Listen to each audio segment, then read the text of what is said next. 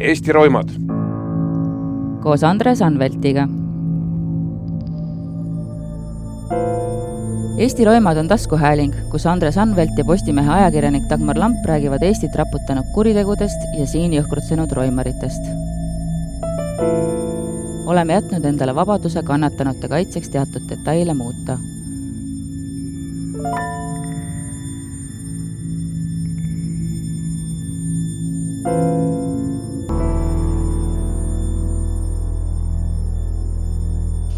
kaheksateistkümnendal märtsil kaks tuhat kaks plahvatas Tallinna kesklinnas Roosikrantsi tänaval pomm. kuid keegi ei osanud sel hetkel arvata, et siit saab alguse roimade rada, mis jättis verised jäljed üle terve Eesti. eelmises saates rääkisime Jüri Ustimenko ja tema partneri Dmitri Medvedjevi kuritegudest. kuidas mehed aga kätte saadi ja kellega oli ikkagi tegemist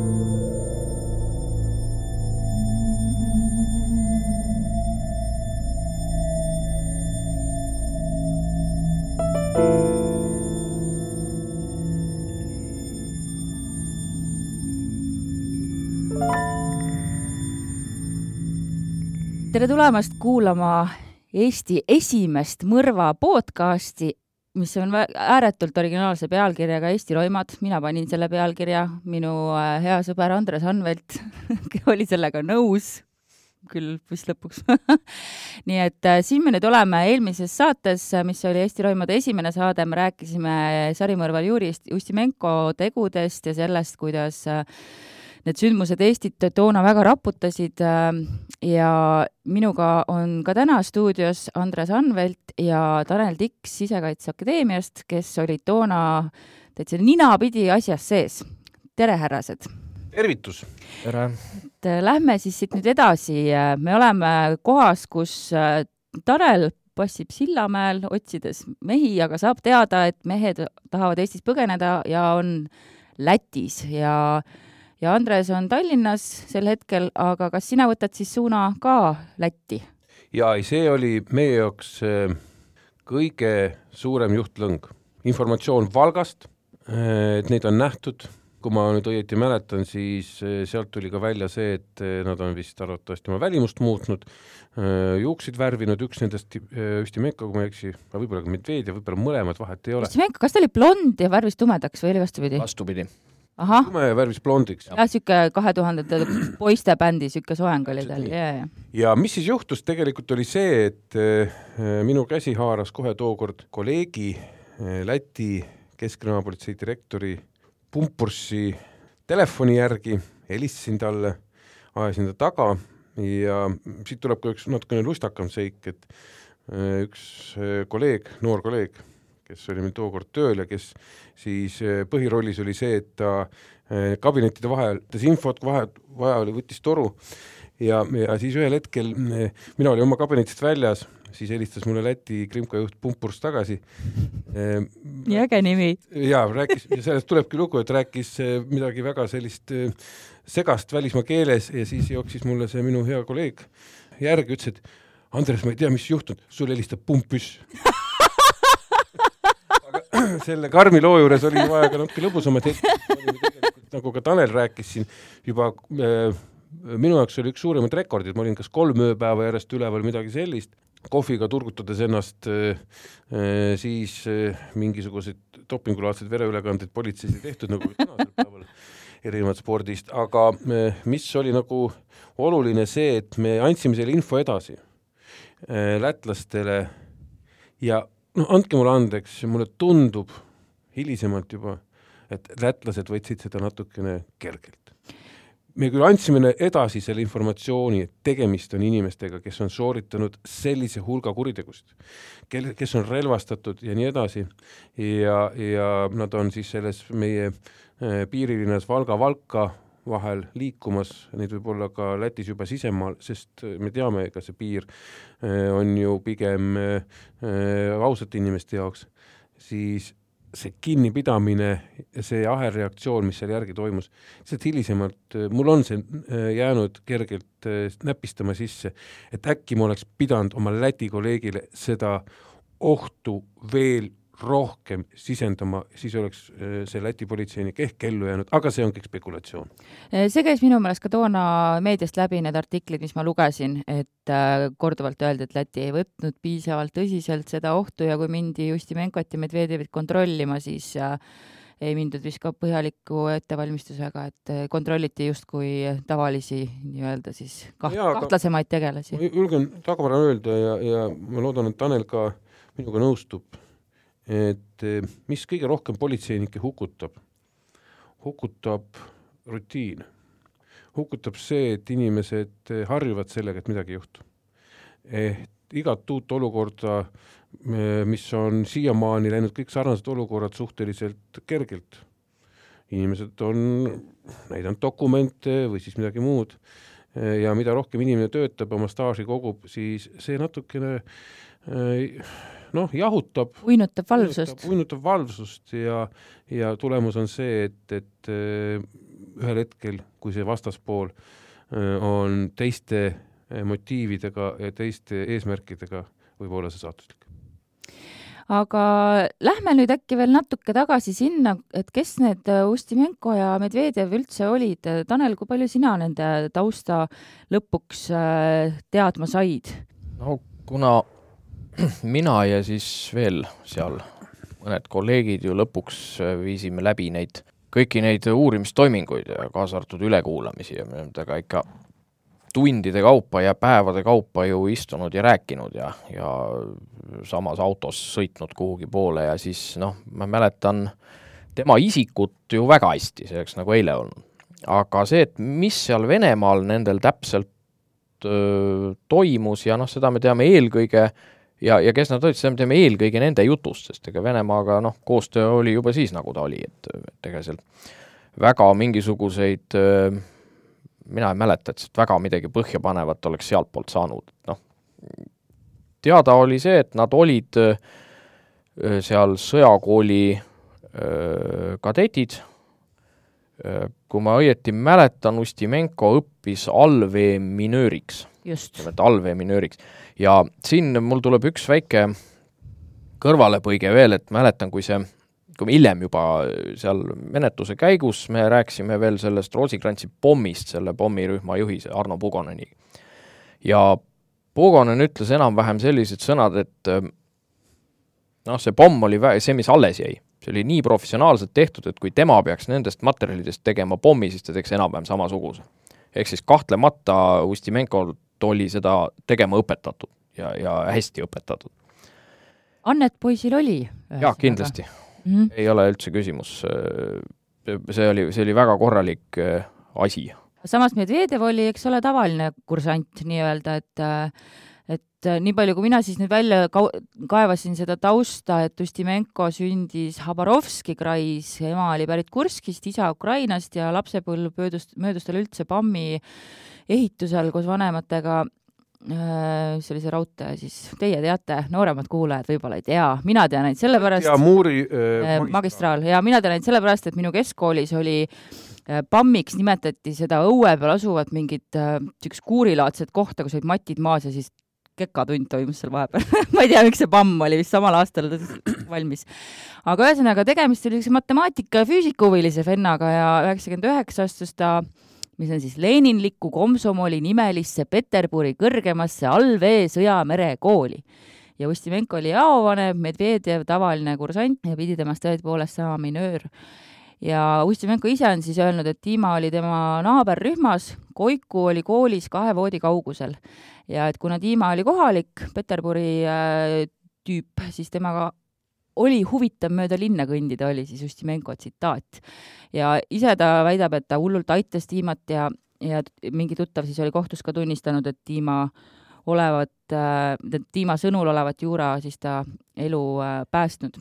no ma ütlen ühe asja siia vahele, et kindlasti nende puhul tekkis selline noh, usulahu efekt või et äh, Medvedjev oli, noh, mina teda ju elusana näinud ei ole, ma olen teda surnuna näinud Medvedjev oli niisugune ilmselt lihtne mees eluajal ja ta tõsimeeli paistis uskuvat kõike seda pudru, mida Ustimenko suust välja ajas.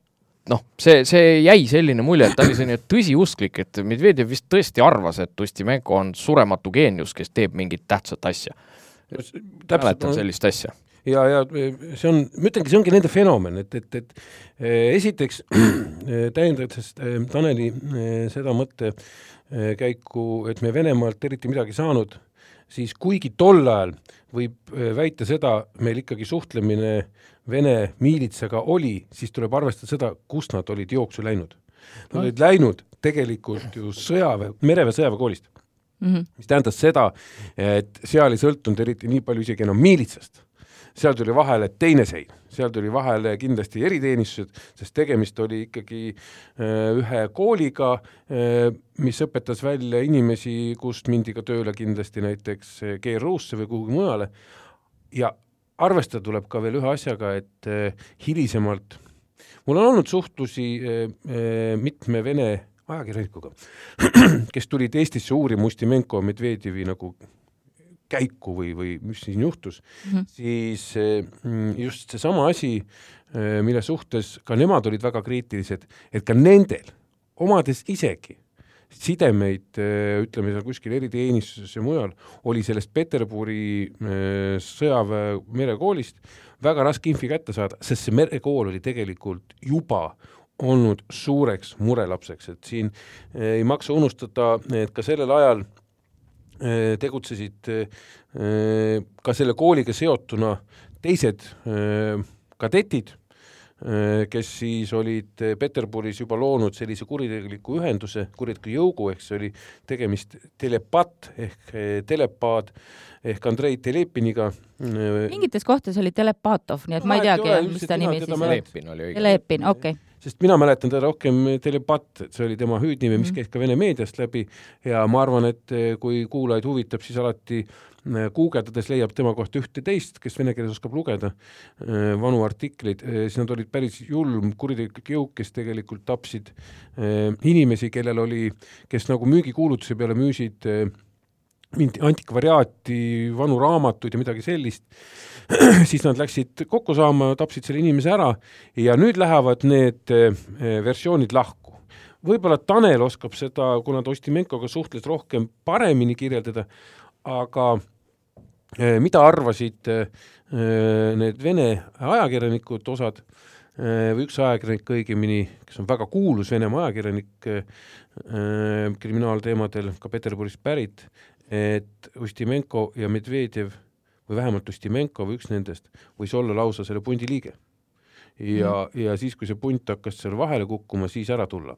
aga Eesti ametlikus uurimuses see, nagu mingisugust äh, sidet ei leidnud, noh, see meile tegelikult äh, ei olnudki nii väga tähtis, aga, aga selline äh, seos on siis Venemaa äh, osad uurivate ajakirjanike poolt välja toodud, aga Tanel oskab siin võib-olla täpsustada, mida see Ustimenko ise sellest te telepaadist rääkis ja kas üldse rääkis midagi?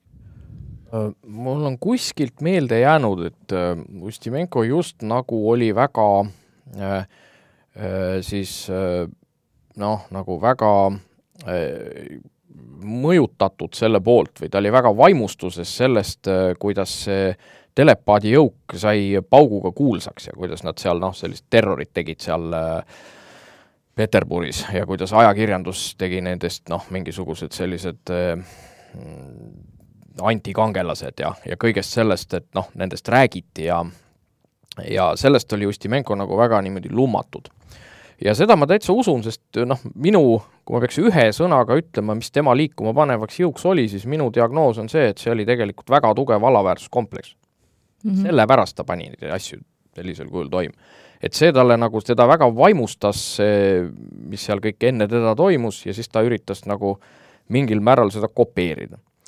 et ise ta sellel teemal midagi nagu väga rääkinud ei ole, nii palju kui ma mäletan, ja ega me väga ei rääkinud põhjustest, miks ta midagi tegi, meil ei olnud seda vaja. meil oli, meile piisas täiesti, me tegime oma asja ära ja kui ta tahtis midagi rääkida, siis, siis see oli tema valik. et ma ei saa öelda öö, nüüd, et ma olen sada protsenti kindel, et, et see nii oli, aga ta noh, selge on see, et Telepini kuriteod olid umbes aasta enne seda kaks tuhat üks, jah. jah. ja Ustimenko hakkas ikkagi suurel määral seda jäljendama, et noh, see, see võis nii olla. pigem nii oli. ja siin on üks asi, mis kindlasti toetab eh, Taneli sõnu, et tal oli alaväärsuskompleks ja ta proovis eh, saavutada eh, siis mingisugust tunnustust, ka antikangelase tunnustust, oli ju ka näiteks see, mis juba peale neid Läti sündmusi, millest peaksime ka natuke täpsemalt rääkima veel, aga mm, mis toimus, leiti ju see kohver ja selles kohvris oli siis nende see kurikuulus žurnaal olid kleepinud siis ka eestikeelsed ajalehtede väljalõikeid oma kuritegudest. ehk nad otsisid eh, nagu sellist, arvatavasti Ustimenko otsis, Medvedev jooksis kaasa eh,, otsisid siis endale sellist väljundit. siin on muideks jälle mitu versiooni ja, ja eh, kuna ikkagi meil on saade, ei ole selline nüüd väga karm faktoloogia, aga kindlasti me ka eh, proovime rääkida inimestega nende arvamustest, eh, miks midagi võis toimuda ja, ja siis Medvedjevi ja Ustimenko puhul liikus ka ülekuulamiste aeg, isegi täpsemalt, mitte ülekuulamiste aeg, nende inimeste kaudu, kellega nad olid Eestis tutvunud. ja kellele nad rääkisid muidugi erinevaid versioone, seda ei saa võtta kuldse tõena nagu ma ütlesin mm, -hmm. kellega rääkisid, ajakirjanikud, kellega rääkisid üliõpilased ja nii edasi, siis äh, oluline on see, et äh, üks versioon nende ka sellisest käitumisest ja ja äh, materjalide kogumisest oli see, et nende ülim eesmärk olevat olnud jõuda Prantsuse võõrleegionisse see ajab mind iga kord naerma, kui ma sellele mõtlen. aga, aga nad ajasid nagu sassi ühe tänapäeva ja jah, ja ajaloo. kunagi Prantsuse võõrleegionis olid äh, inimesed, äh, kes olid hästi sellised äh, vägivaldsed ja neid sinna värvati tänu sellele, et nad ei löönud millegi eest risti ette, siis tänapäeval Prantsuse võõrleegion on ühe suurima taustakontrolliga, et ma arvan, et nad oleks oma märkinud, kui seal letti löönud, siis nad oleks kohe tehtud märklaudadeks. mina kuulsin ka noorena või õigemini seal teismelisena oli igasuguseid tuttavaid seal Tartu Karlova gängi huud, huudis. Ja, ja ka millegipärast levis see jutt nagu nende hulgas, kes olid seal kinnimajas läbi käinud, et oi, et nüüd on hea minna Prantsuse võõrleegionisse, ma, ma ei kujuta ette, mis linnalegend see siis nagu on. aga rääkides sellest, et äh, Ustimenkot äh, ajendas siis suur alaväärsuskompleks, siis seda äh, ka Aleksandr Žegulov, kes veetis temaga vist hästi palju siis ülekuulamistoas aega ja Pealtnägijas on äh, neid intervjuu katkeid avaldatud ja ma olen sealt välja kirjutanud sellise tsitaadi mida siis Šegulov ütles. ta oli kogu aeg varjus, keegi kogu aeg solvas teda, ta oli teiste foonil, kuid siin selline efekt.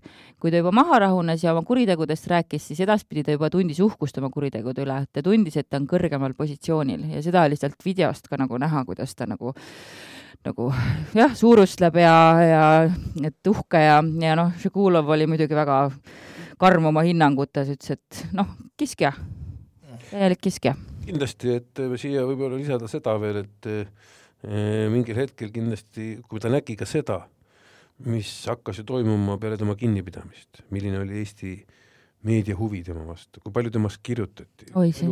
kohtutes, äh, tehti reportaaže, siis ta sai ju sellest kõigest veel innustust, ta oli ju tegelikult täielik päevakangelane, mis siis, et antikangelane ja ta, ma olen kindel, et ta tundis ja tunneb võib-olla siiamaani ennast ikkagi, et ta on elukunstnik, ta on kunstnik, ta on saavutanud meistriande. ma loodan väga, et ta ei tea, mis asjad on podcast'id, et ei kuula neid, aga Tanel, sa tahtsid midagi öelda või lähme Lätti?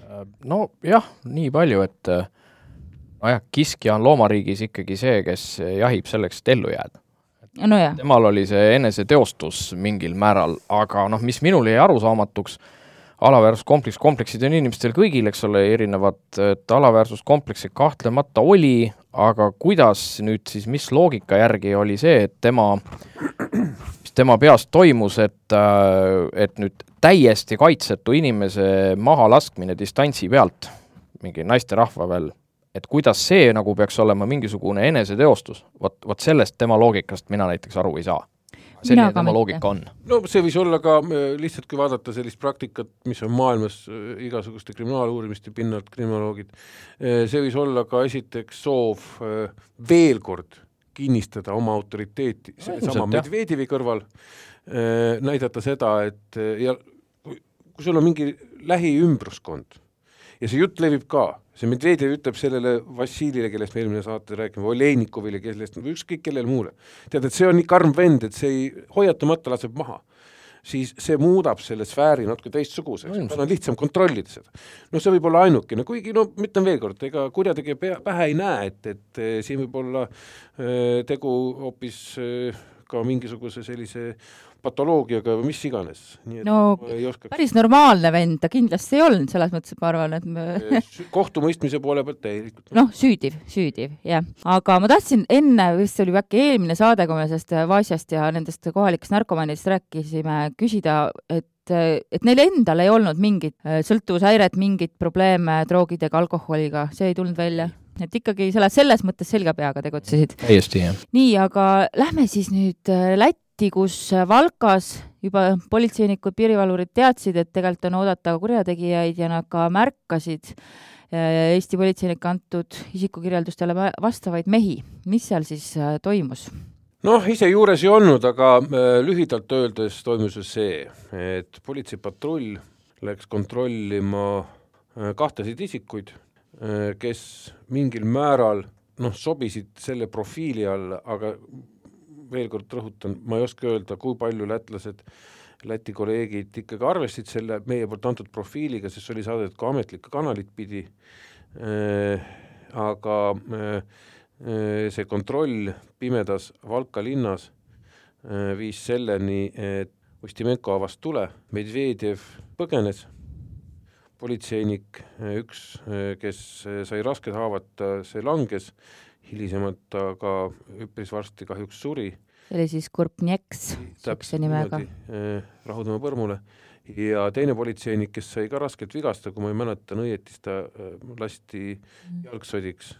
Sanders vist oli siis see? ja mm, -hmm. ja tema puhul on kiiduväärt see ja me, me hilisemalt isegi arutasime seda eriüksuse vendadega, et eh, ta oli arvatavasti väga laskja, sest kui sa oled sellel hetkel, kui sa oled saanud Äh, kõva valušoki haavata saamisest, sa kukud pikali ja sellest asendist lased äh, sisuliselt kaks lasku nii täpselt pihta ja nii väikese sellise hajutuvusega, siis see oli suhteliselt professionaalne. aga kurb oli see, et see niigi läks, et tegelikult oleks see võinud olla teistmoodi, aga ma rõhutan veel kord, me ei ole seal kohapeal praegu seismas ja me ei tea, mis seal täpselt oli. lisaks tuli veel appi turvamees Jatsino, ma tõesti ei tea, kuidas leti nimesid hääldatakse, ütleme Jatsino, aga siis nii mõlemad, nii Sanders kui ka Jatsino said vigastada Sanders kätte ja see turvamees, kes appi tuli, Reide, aga et nad siis avasid vastu tule ja Sanders siis, jah, politseinik Sanders, tema lasud tabasid Medvedjevit, kes siis kukkus surnult ja. maha, aga Ustimenko pani plehku Tanel, kus sina olid sel ajal ikka Sillamäel? ajal olin ma siis ikkagi, ju me siis Tallinna tagasi sõitsime, aga mm -hmm. järgmine, ütleme, see oli siis, see oli vist pühapäev, jah, millal.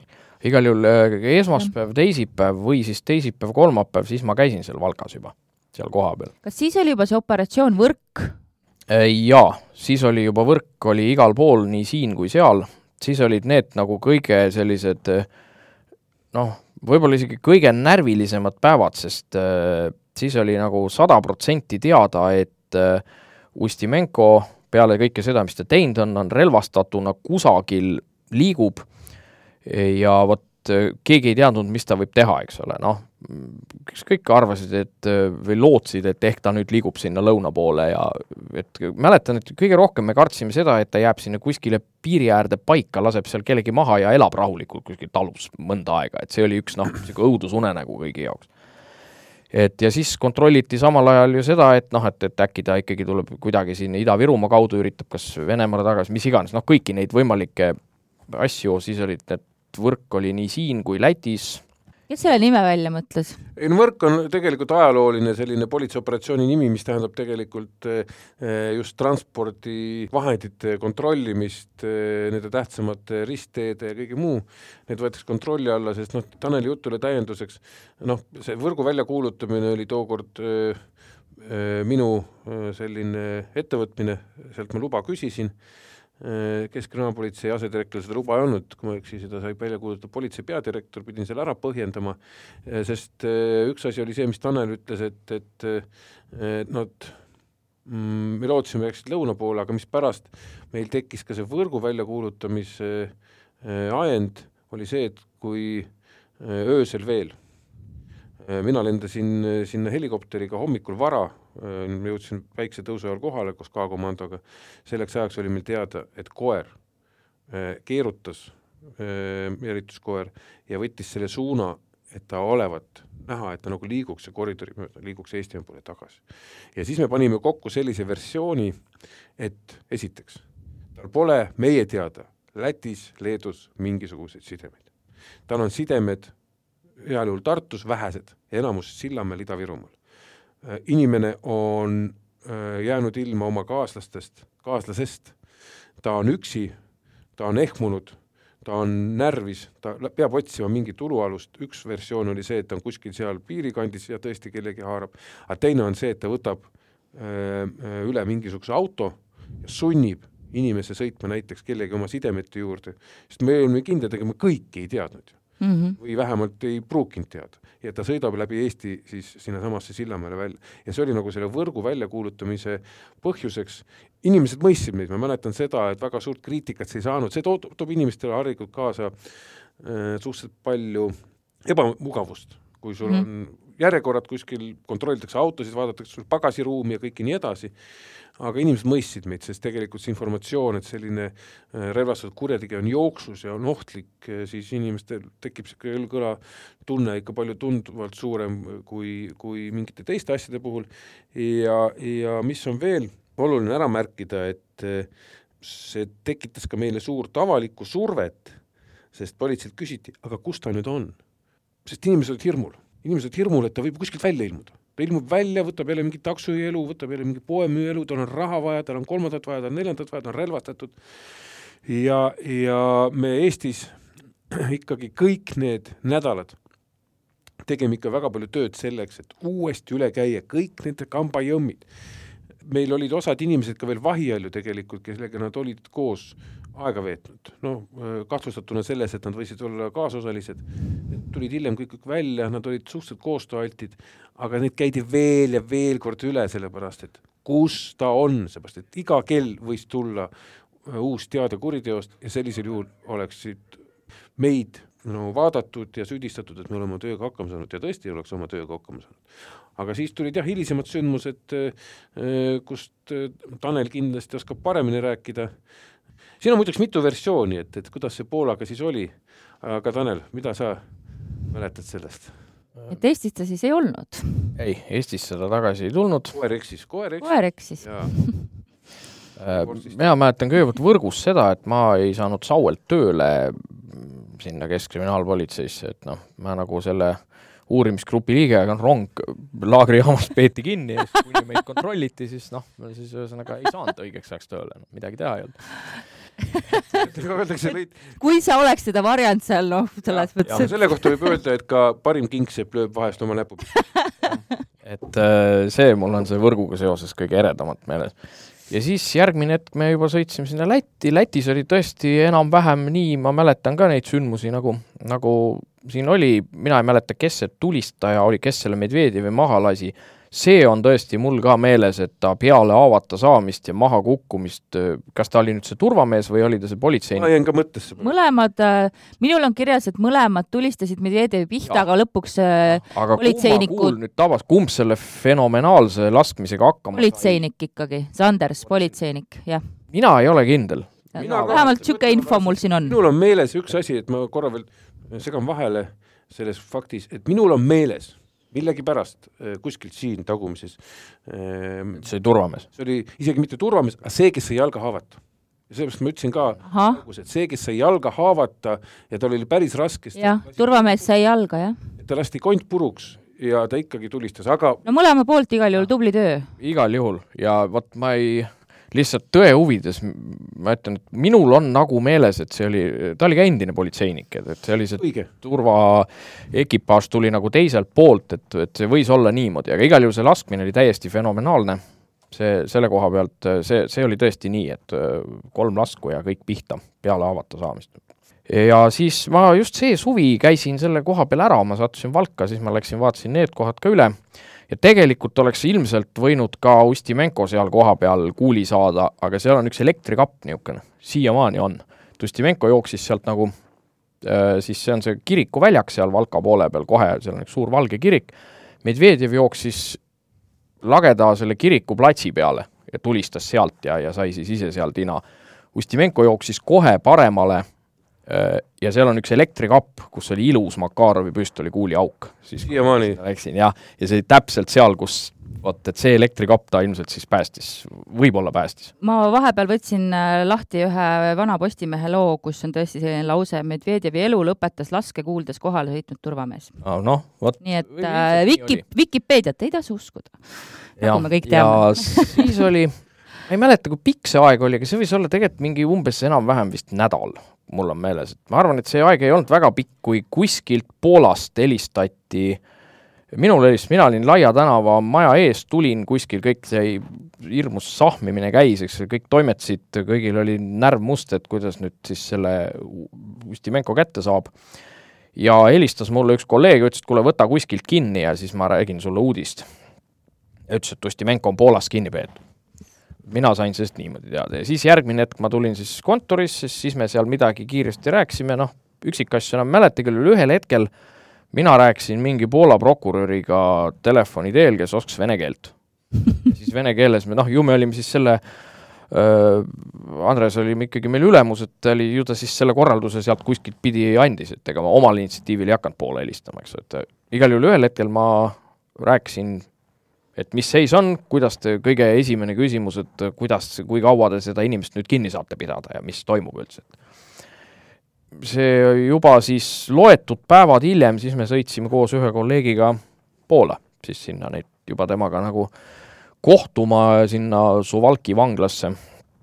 Poola piirivalvurid võtsid meid seal vastu ja noh, siis oli, selleks ajaks oli nagu siis jõudnud pilt sinnamaale, et pandi see nagu uurimisgrupp kokku, kes hakkab eraldi või kes hakkab edasist siis seda kõike menetlust tegema, eks ole, mina ja ja siis veel kaks inimest, et Žegulov tuli hiljem sinna juurde. et tema osa oli, oli väga-väga oluline, aga tema tuli siis hiljem, kui ühesõnaga selle, kui ta, kui ta juba hakkasime ära tooma seda näha, ma ei oska ikka üldse nimesid hääldada, ma ütlesin Žegulov, Žegulov mm -hmm.. kusjuures eh, tegelikult jällegi, Dagmaril on õigus, tegelikult on Žegulov, aga kuna Žeglov on väga tuntud üks vene kangelane sarjas Kohtumispäike muuta ei taha, siis kõik nimetavad teda Žegloviks. aa, okei. on ta Žeguloviks. okei okay.. Eh, kaheksas, kaheksas mai peeti äh, Ustimenko Suvalki bussijaamas Poolas kinni ja siis ja, teda mäletan õigesti, see oli lausa siis viis päeva hiljem. jah, piiri ület-, ebaseaduslikus piiri ületamises ja relva omamises. jaa. ei bussi magama kui ma ei eksi, siis ta, eh, mina mäletan seda niimoodi, et eh, ta, buss, mis sõitis tegelikult üle piiri, et ta peeti kinni ikkagi seal piiri ääres, aga ta oli bussis tukkumas või magamas või midagi sellist ta ise ütles ka mingis intervjuus, et ta oli kolm päeva üleval olnud ja ta oli nii väsinud, et ta ja, lihtsalt ja, tahtis magada. magas ja tal oli veel mingi kaisukaru ka kaasas muidugi. tegelikult ka või?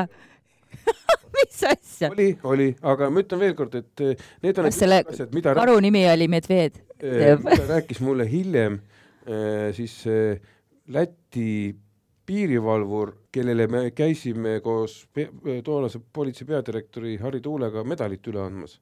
ja siis meil oli väikene teelaud Läti piirivalve ülema juures ja siis äh, ta tuletas meelde selliseid asju, aga ma ütlen veelkord, need ei ole kriminaalõiguslikust seisukohast ei oma mingit tähtsust. nii, aga Tanel, jätka. mina ei mäleta, kas ta bussis magas, mul on nagu meeles, et ta ikka sealt väljast kinni peeti, et äh, bussijuht ajas ta välja? jah, et ta kinni peeti ikkagi nagu väljas, seal ja ütlema, et kao siit minema. jaa, vot see nii võis olla, nii võis olla jaa, sest et äh, kinni pidasid ta tegelikult kaks äh, see Poola piirivalve oli väga muljetavaldav tol ajal, siis ju veel ei olnud veel Euroopa Liiduski üldse, et jah, et seal oli täitsa selline väga tõsine piirikontroll oli seal Leedu-Poola piiri peal ja, ja kinni pidasid ta kaks mingisugust ajateenijat, noh, see oli sõjaväestatud värk, eks ju, tavalist ajateenijat pidasid ta seal, pidasid ta seal bussijaamas kinni, sest kui ma õieti mäletan, Poola piirivalve no nad otsisid omal käel teda, neil oli seal kuskil mingisugune signaal, võib-olla see, et ta jäi bussi magama, mida iganes, igal juhul nad olid seal mingisugust piiririkkujat püüdmas, eks ole. pidasid ta kinni, vastu ta ei hakanud, et siis, kui Medvedjevit ei olnud, siis tema vastupanuvõime noh, ilmselt ei olnud siis enam suurem asi, et, et ise ta nendele vastu ei hakanud, ta peeti ilusasti ilma igasuguse probleemita koos relvaga kinni kui tal seda relva ei oleks olnud, jumal teab, mis oleks saanud, võib-olla oleks Leetu tagasi saadetud ilma pikemalt äh,, ilma pikemalt arutamata, ilmselt nii oleks läinud. ja äh, mina mäletan, et see, et noh, et see info üldse siia jõudis et tegelikult mingisugune Poola piiririkkuja kuskil, et teda nüüd kohe otsad kokku viidi. otsad mm -hmm. kokku viia, et see minu mäletamist mööda käis kuidagi poolakatel mööda, suuresti mööda isiklikke kontakte aga ma ei ole, ma pead ei anna. ma, ei ma siin oskan täiendada ühte asja, et, et tema äratundmine, ta oli Interpolis tagaotsitav juba, ta pandi ah, Interpoli kohe taga, tagaotsimisse, aga ma julgen väita, et need pildid, mida tol ajal veel faksidega saadeti, eks ju, üks kohast. pluss tal ei olnud ju dokumente kaasas. no meie saatsime, panime Interpoli üles selle pildi, mis me olime saanud tegelikult ju Eestis äh, tema asjade hulgast. Sillamäelt läbi otsimised. Sillamäelt läbi otsimised ja, aga need kõik pildid on ühesugused, et me võime saata kõigist kolmest meie pildi enam-vähem sinna faksiga.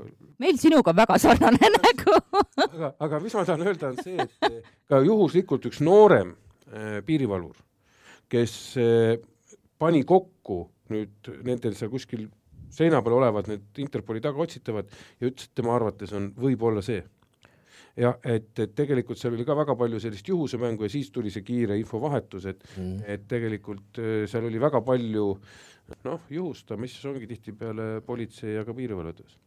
Äh, üks asi veel, tal ei olnud ühte esihammast ja see oli ka asi, mis otsustas väga palju. tal pärast ei olnud isegi vist kahte esihammast ja siis äh, Eestit süüdistati vist selles, et vangide kinnipidamistingimused on nii kohutavad, et ei saa hambaravi eest, ta naeratas siis tuleb alati seda arvestatakse, et hambad suhu Euroopasse.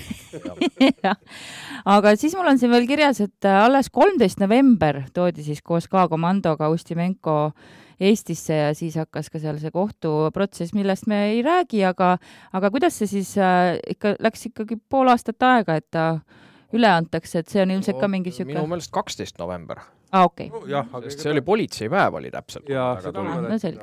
kaksteist november ikka. aga see on, ma arvan, et ma lihtsalt tungin siin vahele, et tegelikult äh, saage aru, esiteks tollal ei olnud Euroopa Liitu tol ajal selleks, et saada inimene kätte teisest riigist, kes on meevõrd tagaotsitav, äh, kes ei ole sinuga ühes ühenduses, tänapäeval Euroopa Liidus käib see asi kiiremini, kuid ka mitte kõigi riikide puhul. Äh, see võtab lihtsalt nii palju aega. kogu prokuratuuri, prokuratuuride vahel nootide vahetamine Äh, siis äh, mingit rolli mängib seal ka näiteks kohus, kes otsustab ikka, kas ta välja anda või mitte, hinnatakse tõendeid ja kõike muud sellist, nii et äh, see, et ta tegelikult poole aastaga siia Eestisse jõudis, see ei ole üldse oli ikka ime. mm -hmm.. pluss tal oli vist Poolas ka äkki ja. kohus. Üks asi veel, et ta sai selle relva ebaseadusliku hoidmise eest veel oma karistuse pidi kätte saama. Mm.. ja Poola on suur riik, et seal asjad äh, niimoodi võivad käia kähku, isiklike kontaktidega seal põhjapiiri peal, aga selleks, et noh, need load, asjad, taotlused, värgid ikka liiguksid seal Varssavi kaudu, eks ole, kõik noh, see ikka mm -hmm. võtab oma aja või võttis tol ajal kindlasti rohkem, kui ta praegu võtab. aga me oleme nüüd jõudnudki selle saate peaaegu lõppu, ma tahaksin küsida teilt, mehed, et mis tunne see oli, kui ta lõpuks oli kätte saadud, kui te saite pärast, ma ei tea, mitmeid magamata öid päriselt magada, et kuidas see, kas on ka niisugune võib-olla siis niisugune uskumatu, et et päriselt nagu ei saa veel uskuda, et, et nüüd on kõik sellega. mina oskan võib-olla seda nii palju öelda jällegi sellisest natuke teisest eh, positsioonist, milleks mind elu tookord suunas, oli see, et eh, peale seda, kui ta kaduma läks, nagu ma rõhutasin, eh, siin Eesti-Läti piiril, tundsin ma hirmsat vastutust selle ees, et kui ta peaks sooritama siin veel mingi kuriteo, isegi kuskil mujal mingi kuriteo, aga eelkõige Eestis ja teine asi siis, kui ta kinni peeti, ma tundsin küll ajutist sellist leevendust, aga kindlasti veel mitte täielikku, sest ta ei olnud veel käes. sest üks asi, eh, ta on esiteks teise riigi võimu käes mm, -hmm. kolmas asi muideks, mis tekitas meis tookord eh, päris palju muret, oli see, et me ei välistanud täielikult ka võimalust, et mingisuguse ime kaudu kuna ta on Venemaa mereväe sõjakooli, eks ju, tudeng või kadett mm., toimub mingisugune täitsa teine poliitiline kammajaa ja ta antakse aa, okei. Venemaale, üleüldse Venemaale Äh, kuna ta on Vene, Venemaa kodanik, me, me mängisime läbi juba seda stsenaariumit, et, et see on niimoodi, et Venemaale antakse välja ja siis Venemaa ütleb, et kuna ta on meie kodanik, me mõistame ise ta üle kohut.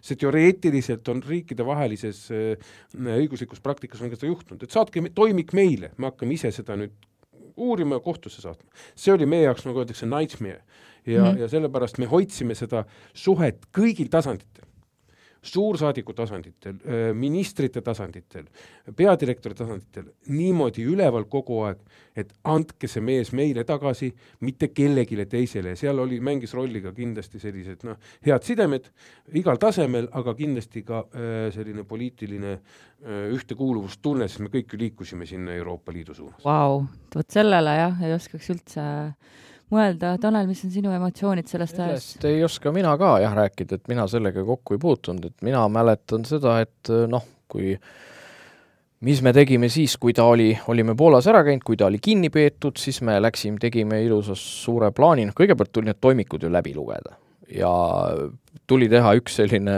noh, ülevaade enda jaoks, et kõik ühe paberi peal, noh kõik teavad kõik saavad aru, et seda vaja on, kes on kunagi mingi mahukate asjadega pidanud ennast läbi närima, ükskõik mis vallas. ja siis tegime miski plaani, väga sellise põhjaliku, mis me kõik peame tegema selle aja jooksul, kui ta veel seal kinni istub ja siis me seda plaani siin täitsime, kõik need kuud, suve ja noh, kuni sügiseni välja, ja aega, see oli tegelikult meile väga suur pluss, et ta pool aastat seal istus, sellepärast et me jõudsime siin rahulikult oma kodutöö ära teha kõik. ja siis jah, üksteist november lendasime sinna, mina ja kaks K-komando töötajat, kaksteist november tulime temaga koos tagasi, viisime ta vanasse heasse Rahumäe arestimajja ja siis hakkasime temaga toimetama, hakkasid need ülekuulamised ja uurimistoimingud pihta, et noh, kuni selleni tegelikult ei olnud ju kellelgi mingit muud kergendust kui ainult see teadmine, et noh, ta on Poolas ja et ta ei ole kuskil vabaduses, et noh, see oli küll, aga, aga aga professionaalsest seisukohast võttes, ega sa sel hetkel mingisugust kergendust tunda ei saa, et kergendus on siis, kui ta on noh, lõpuks on süüdimust, kohtuotsus on jõustunud, vot siis on mm -hmm. nagu, see, et et aga noh, muidugi jah, see oli hea teada, et ta on ikkagi kinni, aga, aga me noh, pidime ju siis, meie töö või minu ja siis paari kolleegi töö ju siis alles algas tegelikult, et kui ta, kui ta seal, kui me olime Poolas ära käinud. et siis hakkas see igapäevane selline kriminaalpolitseiniku selline argipäev, aga see oli, see oli väga huvitav, see oli väga noh, sellist asja on ju, on ju äge teha, eks ole, sellist uurimist, et noh, seal on, mida uurida. ja selle kontrolli käigus me jõudsime ka selle Vassiljini, kes oli teadmata kadunud, et seda enne ju teada ei olnud. ja Olenikovi laibane ka vist, kui ma ei eksi. ja, ja, ja selle ta näitas lõpuks ise ette, aga noh, ega me enne seda ei olnud isegi süvenenud sellesse, et kus nad on, et noh, Olenikov võis olla vabalt Venemaal, me ei teadnud seda mm. -hmm. et siis tulid kõik need kõik need asjad ja pool Sillamäe linna kuulasime selle ületunnistajatena ja rääkisime juttu ja see oli seal sai väga palju käidud. Sillamäega on sul tõenäoliselt väga soojad suhted. on küll. ükskord sõitsin sealt läbi ja leidsin üles selle pingi, kus peal me istusime, kui me teda äh, seal Sillamäel otsisime ja mõtlesime, et kus poole me siis nüüd lähme enam-vähem, et see pink on siiamaani alles see võiks olla tänapäeval moes selline pink, kus on ikkagi vask. jaa, vaskplaat peale. Ustimenko pink Ustimenko, Ustimenko ootamise pink. Aga aitäh sulle, Tanel, ma hea meelega räägiksin veel kakskümmend viis tundi sellest, kuidas sa teed oma tööd, aga ma loodan, et sa tuled meie saatesse veel, sest et meil on äh, roimasid, roimareid Eestis äh, rohkem, kui võiks arvata, nii et äh, et me oleme tagasi ülejärgmisel nädalal juba uute veriste tegijatega. aitäh sulle, Andres, et sa olid nõus minu ideega kaasa tulema. Ja aitäh, et sa Taneli kutsusid. Ja tõmbame siis siin otsad kokku. kohtume juba järgmises saates. kohtumiseni. Eesti roimad. koos Andres Anveltiga